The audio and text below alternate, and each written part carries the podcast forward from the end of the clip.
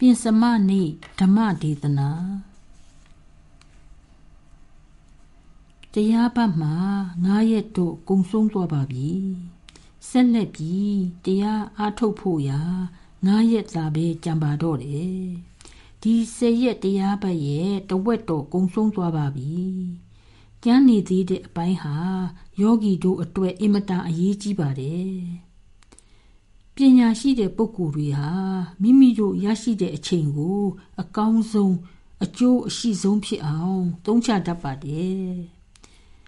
ပြီးသွားပြီဖြစ်တဲ့အတိတ်ကို ပြန်ပြီးတွေးတောနေတာတွေဟာဘာမှအကျိုးမရှိပါဘူးရှေ့လျှောက်ပြီးအချိန်ကိုဘယ်လိုအသုံးချရမယ်လုပ်ငန်းကိုဘယ်လိုလုပ်ဆောင်ရမယ်ဆိုတာကအရေးကြီးပါတယ်ဒီကမ္မထန်နီးနေသရာကို ကောင်းကောင်းနားလည်ပြီးတော့ လေးလေးစားစားနဲ့တိတိကျကျကျင့်ကြဖို့ရလိုပါတယ်ယောဂီတွေကလည်းနောက်ကျောင်းအမျိုးမျိုးယုံကြည်မှုအမျိုးမျိုးတွေနဲ့လာကြတော့တချို့ကလည်းဒီမှာပြတ်သားပေးနေတဲ့လမ်းစဉ်ကို ကောင်းကောင်းနားမလည်သေးပဲသဘောမပေါက်သေးပဲခေါင်းထဲမှာရှုပ်ထွေးပြီးနေကြကြပါတယ်သူ့နီးကြီးကလည်းတမျိုးကြီးပဲငါခါတိုင်းကြားဘူးသလို သိခဲ့ဘူးသလိုလည်းမဟုတ်ဘူးလို့အောက်မိမိတတ်ကြပါတယ်ဒါပေမဲ့တရားထိုင်ပြီးလို့၄၅ရက်ရောက်ရှိလာတဲ့အခါကျတော့တချို့ကလည်းအခုလိုညညမှာဟောစဉ်တွေကိုနားထောင်ကြလို့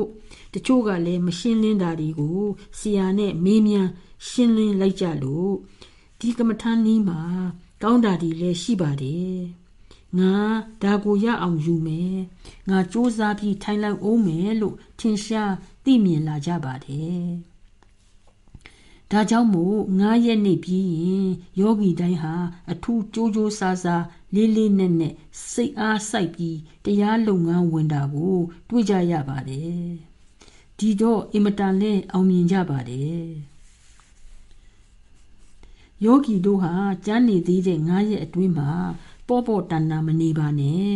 အထူးစူးစမ်းပြီး နီးနေစရာကိုလည်းကောင်းကောင်းနားလည်ပြီးတော့ကျင့်ကြပါတခဏကတခဏမှာဖြစ်ပေါ်နေတဲ့တကယ့်ဖြစ်ပျက်အမှန်တရားကိုကိုယ်နဲ့မဆိုင်သလိုကိုယ်ကိုယ်ထဲမှာမဟုတ်သလိုထားပြီးရှုပါယောဂီတို့ကဘာကိုမှအထူးတလဲလုပ်နေဖို့ရာမလိုပါဘူးတဘာဝဓမ္မကသူ့သဘောသူဆောင်နေပြီးသူတို့အလိုလိုဆောင်ရွက်သွားကြပါလိမ့်မယ် ယောဂီတို့ကရှုယုံမျှတာရှုနေကြပါခန္ဓာကိုယ်ရုပ်ပိုင်းထဲမှာဖြစ်ပြနေတာကို ရှုနေဖို့ရတာဖြစ်ပါတယ်ဖြစ်ပြနေတာကိုတတိရှိနေပြီးတတိနဲ့ရှုနေပါစိတ်ကိုတတ်နိုင်သမျှဒီငြိအောင်ထားတမမျှတအောင်ထားပြီးဥပ္ပခပွားနေပါဒါဟာဝိပဿနာပါပဲတခြားဘာမှမလိုပါဘူး ယောဂီတို့တခြားဘာကိုမှလည်းလုပ်ဖို့ရမလိုပါဘူးဒါဟာမြတ်စွာဘုရားကိုတော်တိုင်တွေးရှိပြီးကျင့်သုံးသွားတာဖြစ်ပါတယ်မြတ်စွာဘုရားမပွင့်မီအချိန်ကတောင်လူတွေဟာဒီတရားကိုသိပြီးလက်ခံပြီးဖြစ်နေကြပါတယ်မြတ်စွာဘုရားကိုတော်တိုင် အလောင်းတော်ဘဝနဲ့ပဲအဲ့ဒီခေတ်အခါကအင်မတန်ကြော်စိုးထင်ရှားတဲ့ကမ္မထမ်းဆရာကြီးနှစ်ဦးထံတွားရောက်ပြီး တပိခံပြီးလေ့လာစည်းပူးခဲ့ပါတယ်အင်မတန်မှရင့်တန်တဲ့ဇန်တမာတိဖြစ်တဲ့ဇန်နဲ့ဆိုင်ရာမှာ အမြင့်ဆုံးအဆင့်တွေအထိရောက်အောင်သင်ကြားခဲ့ပါတယ်ဆရာကြီးတွေကလည်းသီလသမာဓိအရာမှာ ပြောပွေရာမရှိပါဘူးပြည့်စုံကြပါတယ်ပညာလည်းရှိကြပါတယ် ဒါပေမဲ့ဘာကြောင့်ဒီဆရာကြီးနှစ်ဦးဟာအလုံးစုံသောတမ္မန်တံဘောဓိညာတပ်ပင်ညွညာတော်တွေကိုမရကြပါသလဲအထွတ်အထိတ်ကိုမရောက်ကြပါသလဲမြတ်စွာဘုရားအလောင်းတော်ဟာလေသူတို့သိသမျှတတ်သမျှအားလုံးကိုသင်ကြားခဲ့ရလို့သိရှိခဲ့တော်လေဘာကြောင့်ဘုရားအဖြစ်ကိုမရောက်သေးပဲရှိနေပါသေးသလဲသီလကလည်းပြည့်စုံပါတယ် တမာတိလည်းပြည့်စုံပါတယ်ပညာလည်းရှိတော်ရှိပါတယ်ဘာများလိုနေသေးလို့ပါလဲပညာကတော့ရှိပါတယ်ဒါပေမဲ့ဒီပညာကတုတ္တမယပညာစိန်တမယပညာမျှတာဖြစ်ပါတယ်လူတွေဟာပညာအရာမှာဟောကြပြောကြဆွေးနွေးကြညှင်းခုန်ကြဖြစ်နေပါတယ် လောဘဒေါသမောဟတွေလိုချင်တောင်းတမှုတွေမလိုမုန်းထမှုတွေဟာမကောင်းပါဘူးအားလုံးဟာလည်းမမြဲကြပါဘူးအနိစ္စတွေကြီးပါပဲယုံ nant တရားဟာလည်းငါငါဟာရဲ့လို့မရှိကြပါဘူးအားလုံးဟာအနိစ္စပါပဲဒုက္ခပါပဲလို့မြတ်စွာဘုရားမပေါ်ခင်ခေတ်ကလေးကအိန္ဒိယနိုင်ငံမှာဒီလိုဘာသာရေးအသိဉာဏ်တွေထွန်းကားနေခဲ့ပါတယ်ဒီကြောင့် မြတ်စွာဘုရားတွေးရှိခဲ့တာကဘာပါလဲမြတ်စွာဘုရားရဲ့တွေးရှိချက်ကတော့ဒီလိုစိန်တမယဉာဏ်နဲ့အသိတွေကိုတကယ်လက်တွေ့သိရှိခံစားနိုင်တဲ့နီလန်းဖြစ်တဲ့ဘာဝနာမယဉာဏ်အသိကို ရှာဖွေ တွေ့ရှိခဲ့တာပဲဖြစ်ပါတယ်တုတမယဉာဏ်စိတ်တမယဉာဏ်တို့နဲ့ဒီတရားတွေကိုလက်ခံကြတာကတော့ကောင်းစဉ်သလောက်တော့ကောင်းပါတယ် စိတ်ရဲ့အပေါ်ယံဘိုင်းကိုတော့အကာအကွယ်ပေးနိုင်ပါတယ်ဒါပေမဲ့စိတ်ရဲ့အတွင်းအနဲ့ဆိုင်ဆုံးအပိုင်းမှာဖြစ်နေတဲ့ရှိနေတဲ့အမြင့်တွေကတော့ရှိမြဲရှိနေကြပါသေးတယ်သီလစောင့်ထင်းခြင်းအပြင်စိတ်ရဲ့အပြင်ပိုင်းကိုတန်ရှင်းတဲ့လောက်ဖြူစင်တဲ့လောက်တော့ဖြူစင်တန်ရှင်းစီပါတယ် တမ္မာတမာတိကိုကျင့်သုံးလာတော့ပိုပြီးဖြူစင်တန်ရှင်းစီပြန်ပါတယ်ပညာအရာမှာလည်းတုတ္တမယစိန်တမယအစစ်မှာတောင်စိတ်ရဲ့ဖြူစင်တန်ရှင်းမှုကိုဖြစ်စေနိုင်ပါတယ်ဒါပေမဲ့ကိလေသာအညစ်အကြေးတွေကမကုံစင်သေးပါဘူးစိတ်ရဲ့အတွင်းအနဲ့ဆိုင်ဆုံးအပိုင်းမှာတွားပြီးအနေထိုင်းနေကြပါတယ် နောက်နေတဲ့ရေနောက်ထဲကိုကြောက်ချင်မှုံများဖြူးလိုက်တယ်လို့ပေါ့ရေဟာခဏတော့ကြည်လင်သွားပြီမဲ့အမိုက်တရိုက်တွေကတော့မစင်သေးပါဘူးအညစ်အကြေးတွေကအောက်မှာသွားပြီးအနေထိုင်းနေကြဖြစ်တော့ဒီရေကိုလှုပ်ရှားလိုက်တဲ့အခါမှာဆိုရင်ဒီအညစ်အကြေးတွေကတခါအပေါ်ပြန်တက်လာကြပါတယ်ပေါ်လာပြန်ပါတယ်ရေဟာအမှန်စင်စစ်တော့တကယ်တန့်ရှင်းသွားတာတော့မဟုတ်ပါဘူး ထိုနည်းတူပါပဲသီလသမာဓိတုတ္တမယစိတ်တမယတွေဟာလေကိလေသာအညစ်အကြေးတွေကိုစိတ်ရဲ့အပေါ်ယံအပိုင်းမှာတန့်ရှင်းစင်ကြယ်စေဖို့ဖြစ်ပါတယ်စိတ်ရဲ့နှဆိုင်တဲ့နေရာတွေမှာတွားပြီးအနေထိုင်းနေကြဖြစ်ပါတယ်တခါတခါအခွင့်စိတ်ရင်ပြန်ပြီးစိတ်ရဲ့အပေါ်ကိုတက်လာတတ်ပါတယ်ဒါတွေကိုအနုစရကိလေသာတွေလို့ခေါ်ပါတယ် သူတို့ဟာငြိမ့်နေတဲ့အောင်းနေတဲ့တိမ်ငုံနေတဲ့မိကြောင်များတွေလိုပါပဲသူတို့ဟာပောက်ကွဲကျင်တဲ့အချိန်မှာအချိန်မရွေးပောက်ကွဲလာပြီးယောဂီတို့ကိုလွှမ်းမိုးသွားနိုင်ပါတယ်ဒီတော့ယုံနာအစုတစ်ခုလုံးကိုကိလေသာအညစ်အကြေးတွေကထကြွတောင်းချမ်းပြီးဖုံးအုပ်သွားပါတယ်သူတို့ငုံနေတဲ့အချိန်မှာ ယောဂီတို့ဟာငါဖြင့်ကိလေသာတွေဆင်သွားပြီလောဘဒေါသမောဟရာဂတွေကုန်စင်သွားပြီဘဝရဲ့လွတ်မြောက်ရေးရပြီလို့အထင်မှားတတ်ကြပါတယ်ဒါဟာတကယ်ဘဝလွတ်မြောက်ရေးတော့မဟုတ်သေးပါဘူးကိလေသာအညစ်အကြေးတွေကောင်းကံဆိုးကံတွေကံကြွေးကံဟောင်းတွေကအများကြီးကြာနေပါသေးတယ်ဘဝဘဝအဆက်ဆက်တွေက စုပေါင်းတူလောင်ပြီးတဲဆောင်လာတဲ့စိတ်ရဲ့အနှစ်ဆိုင်ဆုံးအပိုင်းမှာရှိနေတဲ့အနုစရကိလေသာတွေကိုအမြင့်ပြတုတ်တင်ရှင်းပစ်တဲ့နိနေစရာကိုမြတ်စွာဘုရားကရှာဖွေတွေ့ရှိခဲ့တာဖြစ်ပါတယ်ဒီနည်းကတော့ယောဂီတို့ဘာကိုမှမလုပ်ကြပါနဲ့ရှုယုံမျှသာရှုနေကြပါ စိတ်ထဲမှာဒေါသပေါ်လာခြင်းပေါ်လာမယ်မောဟပေါ်လာခြင်းပေါ်လာမယ်ဒီစိတ်တွေကိုနောက်ထပ်ပြီးပွားများအောင်မလုပ်ကြဖို့ပါပဲဒါဟာဖြင့်ဒေါသစိတ်ပဲအခုငါစိတ်ကလူချင်းတန်းတဖြစ်နေတဲ့မေမောတဲ့စိတ်ပဲလောဘစိတ်ပဲလို့သိရှိပြီးတတိရှိနေပြီးဖြစ်နေသမျှကို လုံးဝတုံ့ပြန်မှုမလုပ်ဘဲလက်ခံဖို့ရတာဖြစ်ပါတယ် ဒီဒေါသဟာဘယ်လောက်ခံနိုင်မှာလဲရှုသာနေပါ ရှုနေရင် ရှုနေရင်နဲ့ဒေါသစိတ်ဟာသူ့အလိုလိုအင်အားလျော့သွားပြီးပျောက်ကွယ်သွားပါလိမ့်မယ်ဒီဒေါသစိတ်ကိုဒါဟာဖြစ်မကောင်းတဲ့စိတ်ပဲဒါဒီငါစဉ်းစားမနေသင့်ပါဘူးဆိုပြီးတော့စိတ်แท้ကအတင်းကြီးပဲထုတ်မပြရပါဘူးဒီလိုစိတ်ကိုဖိနှိပ်ပြီးလည်းမထားရပါဘူးဒီလိုဆိုရင်ဖြင့် တုံ့ပြန်မှုတွေလုပ်နေကြပါပဲသိနေပြီးရှုယုံမျှတာရှုနေဖို့သာဖြစ်ပါတယ်သူ့အလိုလိုပျောက်ကွယ်သွားကြပါလိမ့်မယ်ယောဂီကအတင်းတွန်းထုတ်လိုက်မယ်ဖိနှိပ်လိုက်မယ်ဆိုရင်ဒီအနုစရကိလေသာတွေဟာအပြင်ဘက်ကိုရောက်မသွားပဲစိတ်ရဲ့အတွင်းပုံမနဲ့နဲတဲ့အစိတ်အပိုင်းတွေကိုထိုးသွင်းလိုက်တာပဲဖြစ်ပါတယ် စိတ်ကိုရှုယုံမျှတာရှုနေတဲ့အခါမှာလေခန္ဓာကိုယ်ပေါ်မှာခံစားနေရတဲ့သိမ်မွေ့ဝေဒနာတွေကိုတတိရှိနေပါသိမ်မွေ့ဝေဒနာတွေဟာစိတ်ရဲ့အနဲ့ဆိုင်ဆုံးဖြစ်တဲ့မသိစိတ်နဲ့အမြဲပဲဆက်သွယ်နေပါတယ်။ဒါကြောင့်သိမ်မွေ့ဝေဒနာတွေနဲ့အမြဲပဲတုံ့ပြန်နေပါတယ်။သိစိတ်နဲ့မသိစိတ်တို့ရဲ့အကြားမှာကာစီးထားပုံကို ဥပမာနဲ့ပြောပြပါမယ်။ ယောဂီဟာထိုင်ပြီးစကားပြောနေတဲ့အခါမှာသိစိတ်နဲ့ပြောဆိုနေတာဖြစ်ပါတယ်။သိစိတ်တစ်ခုလုံးနဲ့အာယုံစိုက်ပြီးစကားပြောနေတာအချိန်တော်တော်လေးကြာလာတော့ညောင်းညာစပြုတ်လာပါတယ်စကားပြောနေတဲ့အထက်သိစိတ်ကရောက်နေတော့ညောင်းတာညာတာကိုတတိမမူမိပါဘူးဆက်ပြီးတော့စကားတွေဖောင်းနေအောင်ပြောနေပါတယ်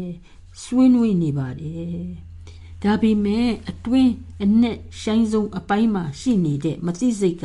ခန္ဓာကိုယ်နဲ့အမြဲဆက်သွယ်နေတော့ဒီညောင်းတဲ့ဝေဒနာကိုသိရှိပြီးခံစားရပြီးချက်ချင်းပဲတိတာနဲ့တပြိုင်နဲ့တုံ့ပြန်မှုလေးလုပ်ပါတယ်။ညောင်းတယ်နာတယ်မကြိုက်ဘူးလို့တုံ့ပြန်ပါတယ်။ပြီးတော့ပြီးတော့ မိမိကိုယ်တိုင်တောင်တတိမမူမိဘဲနဲ့ခန္ဓာကိုယ်ကိုဟိုဘက်နဲနဲဒီဘက်နဲနဲပြောင်းလဲပေးပါတယ်။ဒါဟာမသိစိတ်ရဲ့တုံ့ပြန်မှုပေါ့။မตายရတဲ့ဝေဒနာဆိုရင်မကြိုက်ဘူးမုန်းတယ်ตายရတဲ့ဝေဒနာဆိုရင်တော့ကောင်းတယ်ကြိုက်တယ်လိုချင်သေးတယ်လိုချင်သေးတယ်လို့တုံ့ပြန်ပြီးနေတာဟာစိတ်ရဲ့အကျင့်ပုံစံတွေဖြစ်ပေါ်လာပါတယ် ယောဂီတို့ညမှအိတ်ကြတဲ့အခါဘယ်သူကအိတ်နေကြပါလဲစိတ်ရဲ့အပေါ်ပိုင်းဖြစ်တဲ့သိစိတ်ကအိတ်နေတာဖြစ်ပါတယ်။နေဆိုင်တဲ့မသိစိတ်ကတော့ဘယ်တော့မှမအိတ်ပါဘူးရုပ်ပိုင်းနဲ့အမြဲဆက်သွယ်ပြီးနေပါတယ်ဥပမာယောဂီဟာနှစ်နှစ်ချိုက်ချိုက်အိမ်မောကြနေတုံးမှာရှင်လာကြိုက်တယ်ဆိုပါတော့အိမ်မောကြနေတော့ရှင်ကြိုက်လိုက်တာကိုမသိလိုက်ပါဘူး သိစိတ်ကတော့ခန္ဓာကိုယ်ပေါ်မှာဘာဖြစ်နေတယ်ဆိုတာကိုမသိပေမဲ့မသိစိတ်ကတော့နဲ့ဆိုင်တဲ့စိတ်ကတော့ခန္ဓာကိုယ်ပေါ်မှာတကုတ်တခုဖြစ်လာလိုက်ရင်ချက်ချင်းပဲသိလိုက်ပါတယ်ပြီးတော့ဒီမကောင်းတဲ့မသားရတဲ့ဝေဒနာကိုမကြိုက်ပါဘူးလို့တုံ့ပြန်လိုက်ပြီးလက်ကခြင်ကိုက်တဲ့နေရာကိုရောက်သွားပြီးကုတ်လိုက်ပါတယ်အိပ်ပျော်နေကြုံကုတ်နေတာကိုသိစိတ်ကဘာမှမသိလိုက်ပါဘူး မနဲ့မိုးလင်းလာတော့မှသူများတွေကမျက်နှာမှာချင်ကြိုက်မှုတွေနဲ့ပါလားလို့ဆိုတော့မှချင်ကြိုက်ခံလိုက်ရမှန်းသိပါတယ်ယောဂီကသိတော့မသိလိုက်ရပါဘူးဒီလိုပါပဲညအိနေတုံးမှာယာတိဥတုကအေးလာရင် ရုပ်ပိုင်းခန္ဓာကိုယ်ကအေးလာတာကိုခံစားလာရတော့နဲ့ဆိုင်မှာရှိတဲ့မသိစိတ်ကချက်ချင်းသိပြီးစောင်းကိုဆွဲပြီးခြုံပါတယ် အေးပျော်နေတုံးမှာပဲခန္ဓာကိုယ်ကညောင်းလာတော့နေရာကိုခဏခဏပဲဟိုဘက်ပြောင်းဒီဘက်ပြောင်းပြီးအိပ်ပါတယ်ဒါတွေကိုအပေါ်လွာစိတ်ကမသိပါဘူးနဲ့ဆိုင်မှာရှိတဲ့မသိစိတ်ကသိပြီးလုံနေတာတွေပါသိစိတ်နဲ့မသိစိတ်ရဲ့ခြားနာပုံကိုယောဂီတို့သိထားဖို့ရလိုပါတယ်။ အုံနောက်ကအသိဉာဏ်နဲ့တုတ္တမယစိတ်တမယဉာဏ်တို့ကိုသုံးပြီးလုံနေကြတွေဟာစိတ်ရဲ့အပေါ်ယံမှာရှိတဲ့သိစိတ်နဲ့သာလျှင်ဆက်သွယ်နေတာဖြစ်ပါတယ်။သိစိတ်ကိုပဲသွန်သင်ဆုံးမပြီးလေ့ကျင့်နေကြတာဖြစ်ပါတယ်။အတွင်းနဲ့ဆိုင်တဲ့မသိစိတ်ကိုတော့မရောက်ကြပါဘူး။ပြုပြင်လည်းမပေးနိုင်ပါဘူး။ဘဝနာမယညာနဲ့တိမ်မွေ့ဝေဒနာတွေကို တွေးရှိသိရှိခံစားနိုင်မှသာမသိစိတ်ကိုရောက်ပြီးပြုပြင်ပေးနိုင်တာဖြစ်ပါတယ်ဒါဟာမြတ်စွာဘုရားကိုတော်တိုင်တွေးရှိတဲ့အ내ဆိုင်ဆုံးအပိုင်းမှာဖြစ်ပျက်နေတဲ့ယုံ nant တရားတဘာဝနိယာမဖြစ်တဲ့အတွက်ကြောင့်စိတ်ရဲ့အတွင်းအ내ဆိုင်ဆုံးမှာရှိနေတဲ့အနုစယကိလေသာတွေကိုထိုးတွင်းပြီးအမြင့်ပြချိန်မှုန်းနိုင်ပြီးအထွတ်အထိပ်ပန်းတိုင်ကိုရောက်ရတာဖြစ်ပါတယ် ဗုဒ္ဓမပေါ်မီအိန္ဒိယစာပေကျမ်းဂန်ဒီထဲမှာလည်းရှုယုံမျှတာဆိုတာကို ဖော်ပြပါတယ်ဒါပေမဲ့ဘာကိုရှုကြရမှာလဲဘယ်အဆင့်ထိရှုကြရမှာလဲလူတွေကတော့စိတ်တမရအဆင့်နဲ့ပဲကျမ်းမ်းဝေဒနာကိုသာရှုနိုင်ခဲ့ကြပါတယ်မသိစိတ်ကတုံ့ပြန်မှုလုပ်နေတဲ့နဲ့ဆိုင်လာတဲ့စိတ်ပိုင်းကိုတော့မရောက်ခဲ့ကြပါဘူးမရှုနိုင်ခဲ့ကြပါဘူး အနှောင်အပွဲတွေကမသိစိတ်ရဲ့အကျင့်ပုံစံကြောင့်ဖြစ်နေကြတာဆိုတော့သူတို့ဟာအနှောင်အပွဲတွေကမလွတ်မြောက်နိုင်ဖြစ်နေကြပါတယ်ဒီအချုပ်အနှောင်တွေကလွတ်မြောက်ပါမှနိဗ္ဗာန်ကိုမျက်မှောက်ပြုနိုင်မယ်ဆိုတာကဗုဒ္ဓရဲ့တရားပဲဖြစ်ပါတယ် စိတ်ဆင်းရဲခြင်းပူဆွေးဒုက္ခရောက်ခြင်းတောကရောက်ခြင်းတွေဟာတကဘာလုံးစัจ java လာတစ်ခုလုံးမှာဖြစ်နေတဲ့အမှန်သစ္စာတရားပါပဲဒီသစ္စာတရားကအရိယာသစ္စာဘယ်လိုဖြစ်လာတာလဲဆိုတော့ဒီအမှန်တရားကိုသိပြီးကျင့်သုံးတဲ့ယောဂီဟာအရိယာပုဂ္ဂိုလ်ဖြစ်လာရင်ဒီတရားဟာအရိယာသစ္စာတရားဖြစ်လာတာပါပဲဘယ်လိုကျင့်ရမလဲဆိုတော့စိတ်ရဲ့အနဲ့ဆိုင်ဆုံး ဖြစ်တဲ့အပိုင်းမှာဖြစ်ပေါ်နေတဲ့သိမ်မွေ့ဝေဒနာရဲ့ဖြစ်ပြနေမှု ဖြစ်လိုက်ပြက်လိုက်ခြုံငိမ့်သွားလိုက် ဖြစ်နေကြတွေကိုဥပက္ခနဲ့ရှုနေတဲ့အခါမှာဆင်းရဲခြင်းဒုက္ခဖြစ်ရတဲ့အကြောင်းရင်းဟာပေါ်ထွက်လာပါလိမ့်မယ်မဟုတ်ရင်တော့အပေါ်ယံရိကအကြောင်းတွေပဲဖြစ်နေမှာပါပဲလူတွေဟာဒုက္ခတစ်ခုတစ်ခုနဲ့ကြုံရရင် ငါစိတ်ညစ်ရတာငါရဲ့ဒုက္ခတွေဟာဒီဟာကြောင့်ဖြစ်ရတာဟိုဟာကြောင့်ဖြစ်ရတာဒီပုဂ္ဂိုလ်ကြောင့်ဟိုပုဂ္ဂိုလ်ကြောင့်ငါဖြစ်စေချင်တာတွေမဖြစ်လို့ငါမဖြစ်စေချင်တာတွေကဖြစ်ကြလို့ဒုက္ခဖြစ်ရတဲ့အကြောင်းရင်းတွေကိုဒီလိုဖော်ပြကြပါတယ်ပြီးတော့ပြီးတော့တစ်သက်လုံးပဲအပြင်လောက ပတ်ဝန်းကျင်ကအကြောင်းကိစ္စတွေကိုပဲပြုပြင်ပြောင်းလဲပြီးပေးနေကြပါတယ်ဒါပေမဲ့ယောဂီတို့ကမိမိတို့ရဲ့ခန္ဓာကိုယ်ပေါင်းအတွင်းအစ္စတကိုစပြီးရှုနေကြပြီဆိုတော့အတွင်းမှာရှိတဲ့ဆင်းရဲခြင်းဒုက္ခတွေကိုတွေ့ကြပြီပုံမနဲ့နေတဲ့နဲ့နဲဆုံးဖြစ်တဲ့ဒုက္ခရဲ့ဖြစ်ရခြင်းအကြောင်းရင်းကိုရှာဖွေသိရှိလာပါတယ် စိတ်ရဲ့အပေါ်ယံအပိုင်းလုံးမှသာဆိုရင်တော့ဒုက္ခဖြစ်ရခြင်းအကြောင်းတစ်ခုကို ရှင်းလင်းပယ်ဖြောက်လိုက်ရင်ဒီဒုက္ခကကွယ်ပြောက်သွားပါတယ်ဒါပေမဲ့လည်းနောက်ဒုက္ခတစ်ခုက ပေါ်လာပြန်ပါသေးတယ်နောက်ဒီပေါ်လာတဲ့ဒုက္ခကိုပယ်ချလိုက်ရင်လေနောက်ဒုက္ခအတစ်တစ်ခုက ပေါ်လာပြန်ပါတယ်ဒီလိုနဲ့ပဲဒုက္ခတွေတစ်ခုပြီးတစ်ခုတစ်ခုပြီးတစ်ခုပေါ်ပေါ်နေကြပါတယ် ဒုက္ခတန်တရားကစုံတော့မှမဟုတ်ပါဘူးဒုက္ခရဲ့အရင်အမြစ်ကမပြောက်သေးပဲကိုအတွင်းနဲ့နဲ့မှရှိတဲ့အမြစ်တွေကိုတုတ်တင်ပစ်ဖို့လိုပါတယ်ဒီလိုနဲ့ယောဂီကဆက်ဆက်ပြီးတရားရှုရှုသွားရင်ဒုက္ခဖြစ်ရခြင်းအကြောင်းရင်းဖြစ်တဲ့ဒုတိယအရိယသစ္စာတရားဖြစ်တဲ့သမုဒိယသစ္စာပယ်ခွာရတဲ့အဆင့်ကို ရောက်ရှိလာပါလိမ့်မယ် ဒုက္ခရဲ့အင်မတန်အတွင်းနဲ့တဲ့အမြင့်နဲ့တွေကိုစပြီးရှုတယ်ဆိုရင်ဆင်းရဲဒုက္ခကိုဖြစ်စေတတ်တဲ့ကိလေသာအညစ်အကြေးတွေဟာအလွှာလိုက်အလွှာလိုက်ကွာကွာကြပြီးအာယုန်တွေသင်္ခါရတွေဒုက္ခတွေလုံးဝမရှိတော့ပဲကင်းစင်သွားတဲ့အဆင့်ကို ရောက်ရှိပါလိမ့်မယ်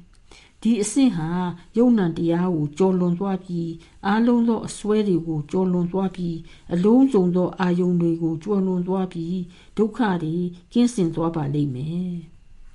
ဒီအဆင့်ဟာအခုဒီဘဝမှာပဲဆက်ရောက်ပြီးခံစားနိုင်တာဖြစ်ပါတယ်ဒီအဆင့်ကိုပို့ဆောင်မဲ့လမ်းစဉ်မှာရှောက်ပြီးလှမ်းတဲ့ခြေလှမ်းတိုင်းခြေလှမ်းတိုင်းဟာတလှမ်းချင်းတလှမ်းချင်းနည်းနည်းချင်းနည်းနည်းချင်းနဲ့ အမြင့်နဲ့တဲ့ဒုက္ခဆင်းရဲတွေအကုန်ကိုအမြင့်ကနေတွန်းနှုတ်ပေးပါလိမ့်မယ်ဒီဒီလိုနဲ့အဆုံးပန်းတိုင်ကိုယောဂီတို့ရောက်ရှိပါလိမ့်မယ်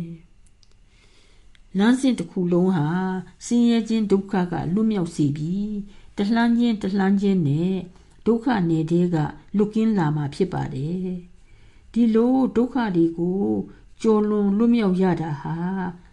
တတ္တိယအရိယသစ္စာဖြစ်တဲ့និရောဓသစ္စာဖြစ်ပါတယ်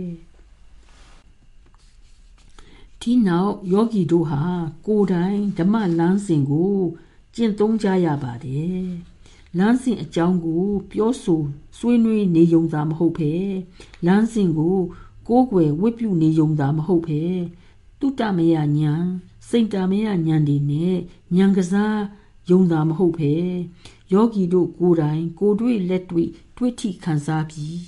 ဒီလမ်းစဉ်ကိုရှောက်နေခဲ့ကြပါတယ်ဒီဟာသဒုတ္တအရိယသစ္စာမေဃသစ္စာဖြစ်ပါတယ်ဒီအဆင့်၄ဆင့်စလုံးကိုဘာဝနာမယဉာဏ်နဲ့ကိုယ်တိုင်တွေ့ထိခံစားသိရှိရမှာဖြစ်ပါတယ်လက်တွေ့ဘာဝနာမယဉာဏ်နဲ့ခံစားတွေ့ထိရတဲ့ပုဂ္ဂိုလ်ဟာအရိယာပုဂ္ဂိုလ်ပါပဲ မြတ်စွာဘုရားကိုတော်တိုင်လဲဒီလိုပဲစူးစမ်းရှာဖွေပြီးဘာဝနာမယညာနဲ့လက်တွေ့ခံစားသွားပြီးအထွတ်အထိပ်ကို ရောက်တော်မူသွားခြင်းဖြစ်ပါတယ်လူတယောက်ဖျားနာနေလို့ဆရာဝန်ကစမ်းသပ်ကြည့်ပြီးဒီလူဟာဘာယောဂါကိုခံစားနေရတယ်ဆိုတာကိုမသိရင်ဒီဆရာဝန်က သူ့ယောဂါကိုပျောက်အောင် မကုသနိုင်ပါဘူး ပထမဦးဆုံးအရေးကြီးတဲ့အချက်ကဘာယောဂါဖြစ်နေတာလဲဆိုတာကိုဆရာဝန်ကသိဖို့ရန်လိုပါတယ်ဒုတိယအရေးကြီးတဲ့အချက်ကဒီယောဂါဟာဘာအကြောင်းကြောင့်ဖြစ်ရတာလဲဆိုတဲ့အချက်ဖြစ်ပါတယ်အပေါ်ယံအပယိကဖြစ်တဲ့အကြောင်းအရာတွေမဟုတ်ပဲဖြစ်ရတဲ့အကြောင်းရင်းကိုသိရဖို့လိုပါတယ်။ ဘာကြောင့်ဖြစ်တယ်ဆိုတာကိုသိရရင်ဖြစ်ရတဲ့အကြောင်းရင်းကိုအမြင့်ကနေတုတ်တင်ရှင်းလင်းပြစ်လိုက်ရင်ယောဂဟာအလိုလိုပျောက်ကင်းသွားတာပါပဲ။လူနာကဘာမှလုံမနေရပါဘူး။ယောဂရဲ့ဖြစ်ရခြင်းအကြောင်းရင်းအမြင့်ကိုအကုန်အစင်ထုတ်ပြဖို့ပါပဲ။ ဒီအတိုင်းပါပဲဆင်းရဲဒုက္ခတွေရှိနေရင်ဒီဆင်းရဲဒုက္ခတွေဖြစ်ရတဲ့အကြောင်းရင်းရေတောက်မြစ်ကြီးဟာဘာလဲဆိုတာကို ရှာဖွေကြည့်ပြီးဒီရေတောက်မြစ်ကြီးကိုဆွဲနှုတ်ထုတ်ပြကြပြီးခြေမှုန်းပြလိုက်ရင်ဆင်းရဲဒုက္ခတွေကလည်းခြေမှုန်းပြီးသားဖြစ်သွားပါလိမ့်မယ်စိတ်ဆင်းရဲကိုယ်ဆင်းရဲဒုက္ခအမျိုးမျိုးရှိကြပါတယ်လူတွေဟာတစ်သက်လုံးတာယာမှုထဲမှာခံစားနေလိုက် ဒုက္ခထဲမှာလှိမ့်နေလိုက်နေနေကြရပါတယ်ဒီလိုဒုက္ခကိုခံစားလိုက်ဒုက္ခကိုလှိမ့်ပြီးခံစားလိုက်ဒီလိုနဲ့နေနေတာဟာဒုက္ခတွေပိုးပိုးသာများလာအောင် လုပ်နေကြတာဖြစ်ပါတယ်ယောဂီတို့ကိုဒုက္ခတွေကိုရှုကြပါလို့ပြောတော့ဘယ်လိုရှုကြရမှာပါလဲစိတ်ရဲ့အနဲ့ဆိုင်ဆုံးအပိုင်းနဲ့ဆက်သွဲနေတဲ့ သိမ်မွေ့ဝေဒနာတွေကိုတုံ့ပြန်မှုမလုပ်ဘဲရှုနေရမှာဖြစ်ပါတယ်ဒီလိုဆိုရင်ဒုက္ခတွေအမြင့်ကနေထုတ်ပြနေကြပါပဲတဏှာကြီးတရားထိုင်တဲ့အခါမှာနာတာကျင်တာပေါ့ဒီနာတာကိုပဲရှုမှတ်နေရမှာဖြစ်ပါတယ်နာယူဝဲလောက်တော့ကြိတ်မိတ်ပြီးခံနိုင်ကြပါသေးတယ်နောက်တော့မခံမရနိုင်တော့ပါဘူး ရှုဖို့ရဆိုတာကိုမေ့ကုန်ပြီးတော့စိတ်ရဲ့အကျင့်ဟောင်းဖြစ်တဲ့တုံ့ပြန်မှုတွေစပြီးပေါ်လာတာပါပဲနာလိုက်တာကျင်လိုက်တာထုံလိုက်တာမခံနိုင်တော့ပါဘူးလို့ဖြစ်လာပါတယ်စွတ်မိတ်ပြီး45မိနစ်လောက်အထိတော့နေနိုင်ပါသေးတယ်ဒီနောက်ကြားလာတော့တကယ်အပြင်းထန်မခံမရနိုင်လောက်အောင်ဖြစ်လာပြီးတမနစ်ဟာတနာရီလောက်လို့ထင်ရပါတယ် အဋိဌံထိုင်ရတာဆိုတော့တဏှာကြီးမပြည့်သေးတော့လှုပ်လဲမလှုပ်ရပါဘူးမျက်စိလည်းဖွင့်မကြည့်ရပါဘူးအခုထိုင်နေတာဟာတဏှာကြီးမကတော့ပါဘူးတဏှာကြီးကြော်သွားပြီလို့အောင်းမေ့နေတတ်ပါတယ်ဒီအချိန်မှာနားထဲမှာဂူရူးကြီးရဲ့အနိစ္စဝတ္တသင်္ခါရဆိုတဲ့အသံကိုကြားလိုက်ရတော့တခါတည်းစိတ်ထဲမှာတက်တာရရသွားပါတယ် 9မိနစ်လောက်ကိုပဲလိုတော့တယ်ဒီအချုပ်နှောင်တွေကလွတ်တော်မယ်ဆိုပြီးဝမ်းသာကြပါတယ်ဝေဒနာလည်းအတော့ကိုရော့ကျသွားပါတယ်အချုပ်အနှောင်ခံရတဲ့ဆင်းရဲဒုက္ခကိုယောဂီတို့နာယီပိုင်းအဋိဋ္ဌံထိုင်ရတာနဲ့ပဲကိုတွေ့သိကြရပါပြီအချုပ်အနှောင်ခံရတဲ့ဆင်းရဲဒုက္ခကလွတ်မြောက်ရင်ခံစားရတဲ့ဒုက္ခချမ်းသာကိုလည်းသိကြရပါပြီ အကျုပ်အနှောင်ခံကြရတာဟာတကယ်ကြီးမားတဲ့ပြင်းထန်တဲ့ဆင်းရဲဒုက္ခဖြစ်ပါတယ်ခန္ဓာကိုယ်လည်းမလှုပ်ရခြေလက်လည်းမလှုပ်ရမျက်စိလည်းဖွင့်မကြည့်ရတကယ်နှင်းဆက်ခံနေရတာဖြစ်ပါတယ်အလွန်ဆင်းရဲခံရတာပါပဲဒီအဖြစ်မျိုးယောဂီတို့အားလုံးကြုံခဲ့ကြရပြီးဖြစ်ပါတယ်မမှတ်မိကြလို့ပါတနာရီနှစ်နာရီလည်းမဟုတ် တရက်နှစ်ရက်လည်းမဟုတ်တလနှစ်လသုံးလလည်းမဟုတ်ကိုးလကျော်ဆယ်လပိုင်းအထိအမိဝန်းထဲမှာအချုပ်အနှောင်ခံခဲ့ကြရပါတယ်ယောဂီတို့အခုတနာရီကလေးမလှုပ်မရှားပဲမျက်စိမဖွင့်ဝဲနေရတာတောင်အချိန်တနာရီပြည့်လို့အချုပ်အနှောင်ကလွတ်လိုက်ပြီဆိုရင်ဘယ်လောက်ဝမ်းသာကြသလဲ ဒါမျိုးကို6လ10လအချုပ်အနှောင်ခံခဲ့ရတာနဲ့နှိုင်းရှင်ကြည့်ကြစမ်းပါမွေးကာစကလေးဟာပျော်လို့ရွှင်လို့ကလို့ခုံလို့ထွက်လာကြရမှာဘယ်သူကမှအမိဝင်းတဲ့ကကခုံမြူတူပြီးထွက်မလာကြပါဘူးအားလုံးကငိုပြီးတော့ပဲမွေးလာကြပါတယ်မငိုရင်မိခင်ကလည်းစိတ်ပူပါတယ်ဆရာဝန်ကလည်းစိတ်ပူပါတယ် ကလေးအသက်ရှင်မှ ရှင်ပါမလားလို့ငိုကိုငိုရမယ်ဒါဟာဓမ္မတာပဲဇာတိပိဒုက္ခမွေးတာကူကဒုက္ခပါပဲဂူရူးကြီးရဲ့တပည့်ဆရာဝန်တူကဂူရူးကြီးကိုပြောပြပါတယ်ကလေးဟာမိခင်ရဲ့ဝန်းထဲမှာရှိနေတုန်းကအချင်းနဲ့ချက်ကျိုးကနေပြီးတော့ မိခင်စီကအောက်ဆီဂျင်ကိုရပြီးအသက်ရှူတော့သူ့ဟာသူအသက်ရှူဖို့မလိုပါဘူးချက်ကျိုးကိုဖြတ်လိုက်တဲ့အခါကျတော့မိခင်နဲ့အဆက်ပြတ်ပြီးမိခင်စီကအောက်ဆီဂျင်ကိုမရနိုင်တော့ပါဘူးငိုလိုက်တော့မှသူ့အဆုတ်ထဲအပြင်ကလေနဲ့အောက်ဆီဂျင်ဝင်သွားပါတယ်ဒီတော့ဂူရူးကြီးကအော် အောက်ဆီဂျင်လိုချင်လို့ငိုတာကိုတဲ့အတော်လေးကြာတော့နှုတ်လိုချင်လာပါတယ်နောက်တော့ဟိုဟာလိုချင်တယ်ဒီဟာလိုချင်တယ်ဒီလိုနဲ့ပဲတသက်တာလုံးဟာလိုချင်တာလေးကြည့်ပါပဲဒီလိုနဲ့တဖြည်းဖြည်းကြီးလာလိုက်တာဖျားတာနာတာတွေယောဂါတွေအမျိုးမျိုးတစ်ခုမဟုတ်တစ်ခုတစ်မျိုးမဟုတ်တစ်မျိုး တစ်ခုပြီးတစ်ခုဖြစ်လာကြပါတယ်ယောဂတိုင်းအဖျားအနာတိုင်းဟာလေဒုက္ခပဲပေါ့ဗျာတိပိဒုက္ခဗျာတိပိဒုက္ခဒီနောက်ကြတော့အိုမင်းလာပြီးပျက်စီးယွယွင်းစပြုတ်လာပါတယ်အိုမင်းရခြင်းဟာလေဒုက္ခပါပဲဇရာပိဒုက္ခဇရာပိဒုက္ခ ဒါပေမဲ့ဘယ်လောက်ပဲအိုးအိုးဘယ်သူကမှသေတော့မသေခြင်းကြပါဘူးသေခြင်းဟာလေဆင်းရဲခြင်းဒုက္ခပါပဲမရဏံပိဒုက္ခံမရဏံပိဒုက္ခံပိယေဟိဝိပယောကောဒုက္ခောအပိယေဟိတံပယောကောဒုက္ခောချစ်နှစ်သက်တဲ့သူ နှစ်သက်ဖွယ်ရာကောင်းတဲ့အရာနှစ်သက်ဖွယ်ရာကောင်းတဲ့အဖြစ်အပျက်အခြေအနေတွေနဲ့ကိုယ်ဝင်းရခြင်းကလည်းဒုက္ခမချစ်မနှစ်သက်တဲ့သူနှစ်သက်ဖွယ်ရာမရှိတဲ့အရာနှစ်သက်ဖွယ်ရာကင်းတဲ့အခြေအနေတွေနဲ့တွေ့ဆုံနေရတာဟာလေဆင်းရဲခြင်းဒုက္ခပါပဲလိုတာကိုမရတာကဒုက္ခမလိုချင်တာကိုရနေရတာကလည်းဒုက္ခ ကိုဖြစ်စေချင်တာတွေကြတော့မဖြစ်ပါဘူးမဖြစ်စေချင်တာတွေကြတော့ဖြစ်တတ်ပါတယ်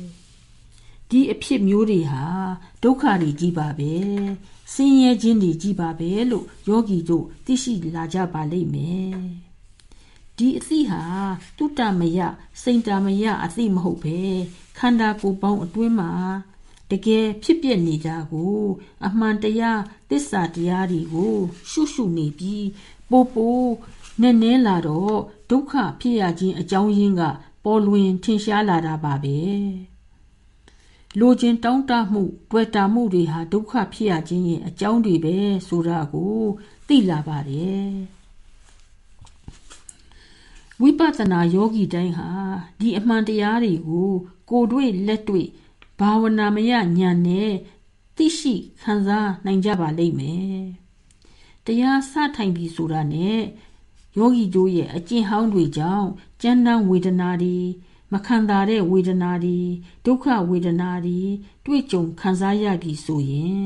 ဒီကျမ်းတမ်းဝေဒနာတွေကိုမလိုချင်ဘူးနာတာကျင်တာထုံတာတွေကိုပျောက်သွားစီခြင်းပါတယ်တရားစထိုင်လို့အခုဆို၄ရက်ရှိသွားပြီ၅ရက်ရှိသွားပြီ ခုနဲ့ထိနားနေတုံးပဲဘယ်တော့မှပျောက်မှလဲလို့နာတာကိုမလိုချင်တဲ့မုန်းတဲ့စိတ်နဲ့တုံ့ပြန်လုပ်ပြီးအနာပျောက်စေခြင်းတဲ့လိုချင်မှု တောင်းတမှုစိတ်ကိုလည်းဖြစ်နိုင်ကြပါတယ်ဒီလိုလိုချင်မှု မလိုချင်မှုတွေဟာဒုက္ခကို ပိုးပို့ပြီးသာဖြစ်ပွားစေပါတယ်အစတုန်းကတော့ခန္ဓာကိုယ်ပေါ်မှာနာတာကျင်တာတွေဟာ ရုပ်ဝေဒနာတွေရုပ်ဒုက္ခတွေပေါ့နောက်ကြလာတော့စိတ်ဝေဒနာစိတ်ဒုက္ခတွေဖြစ်လာကြပါတယ်တရားစခန်းကိုလာတရားထိုင်တာဟာစိတ်အေးချမ်းအောင်စိတ်ချမ်းသာအောင်ငါလာခဲ့တာဘယ်မှာလဲဒုက္ခလေးရက်ရှိသွားပြီငါးရက်ရှိသွားပြီချမ်းသာမှုလဲဘာမှမရပါလား ဘယ်တော့မှချမ်းသာမှုအိမ်ငြိမ်မှုရမှာလဲဘယ်တော့မှဒီကျမ်းမ်းဝေဒနာတွေပျောက်သွားမှာလဲလို့လူချင်းတောင်းတမှုတွေအစပေါင်းများစွာ ပွားတဲ့ပွားစီပါတယ်ယောဂီတို့တတိထားမိရင်တော့တစုံတစ်ခုကိုလိုချင်တောင့်တနေရင်အင်မတန်စိတ်ဆင်းရဲရတယ်ဆိုတာကိုလက်တွေ့ခံစားသိရှိနေရခြင်းဖြစ်ပါတယ် ဒီသဘာဝဓမ္မကိုဘာဝနာမယညာနဲ့နားလည်ပြီးရှေ့ဆက်ပြီးတော့တရားရှုသွားပြီးပုံမနဲ့နဲလာတဲ့အခါကျတော့နောက်အမှန်တရားတစ်ခုကထင်ရှားပြီးလာပါလိမ့်မယ်ခန္ဓာ၅ပါးအစုအဝေးကြီးကို တွေ့တာနေတာဆွဲလန်းနေတာဒုက္ခပါပဲခန္ဓာ၅ပါးဆိုတာဘာလဲတခုကတော့ရုပ်ခန္ဓာအစုအဝေး အင်မတန်သေးငယ်တဲ့ရုပ်မှုံရုပ်မွားကလေးတွေပရမာဏုမြူကလေးတွေဖြစ်လိုက်ပြက်လိုက်ခြုံငိမ့်သွားလိုက်ဖြစ်လာလိုက်ခြုံငိမ့်သွားလိုက်ဖြစ်ပြက်နေတာတွေဖြစ်ပြီးတော့နောက်လေးစုကတော့နာခန္ဓာအစုအဝေးဖြစ်တဲ့စိတ်ရဲ့အစိတ်ပိုင်းတွေဝိညာဉ်၊တင်ညာဝေဒနာနဲ့သင်္ခါရဆိုတဲ့အပိုင်းကြီး၄ပိုင်းဖြစ်ပါတယ်။တနည်းဆိုရင်တော့သိတတ်တဲ့သဘော မှတ်တတ်တဲ့သဘောခံစားတတ်တဲ့သဘောနဲ့တုံ့ပြန်တတ်တဲ့သဘောတို့ဖြစ်ပါတယ်စိတ်ရဲ့ပထမပိုင်းဖြစ်တဲ့အပိုင်းကတော့အာယုန်တွေကိုသိယုံမျှတာသိနေတဲ့ဝိညာဉ်ဖြစ်ပါတယ်စိတ်ရဲ့ဒုတိယအပိုင်းသင်ညာကတော့အာယုန်ကိုသိနေပြီးနောက်အာယုန်ကဘာအာယုန်လဲ ဘယ်လိုအာယုံလဲဆိုတာကို အမှတ်ရပြီးအသိမှတ်ပြုပါတယ်အသိအမှတ်ပြုရုံမကဝေဖန်ချက်လဲချပါတယ်သိညာကအသိအမှတ်ပြုပြီးဝေဖန်ပြီးတာနဲ့တပြိုင်နက်စိတ်ရဲ့တတ္တရာပိုင်းဖြစ်တဲ့ဝေဒနာကခန္ဓာကိုယ်ရုပ်ပိုင်းမှာ ပေါ်လာတဲ့ခံစားရမှုတွေဖြစ်ပါတယ်ဒီခံစားရမှုတွေကို တုတ်ပြန်လုပ်တာကတော့စိတ်ရဲ့သရုပ်ထပိုင်းဖြစ်တဲ့သင်္ခါရအပိုင်းဖြစ်ပါတယ်လူသားတွေဟာ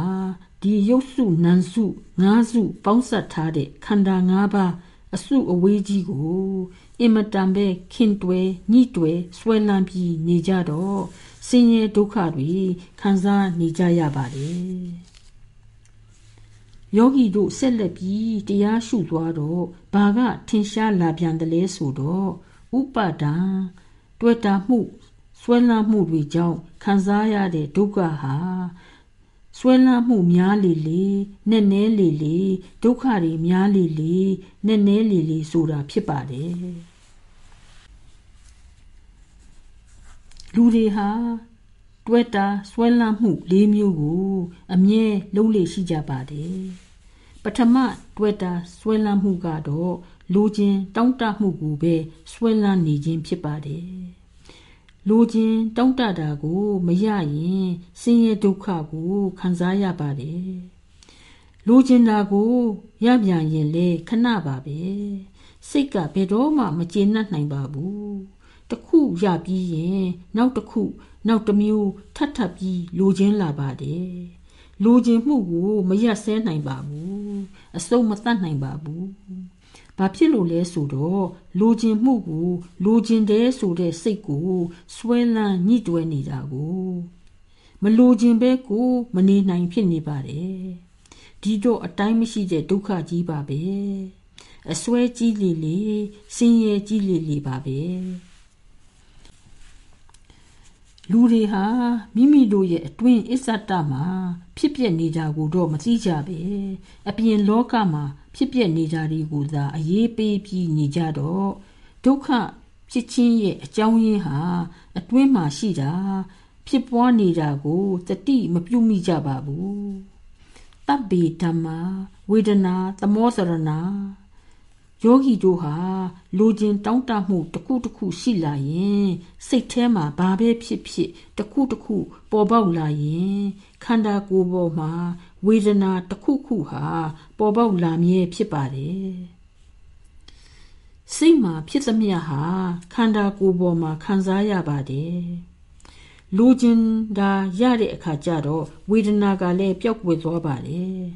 စိတ်ရဲ့အပေါ်ယံအပိုင်းကတော့ ตาရတယ်လို့ထင်ရပါတယ်ဒါပေမဲ့စိတ်ရဲ့နဲ့ဆိုင်တဲ့အပိုင်းမှာတော့စင်းရဲ့အတိပါပဲ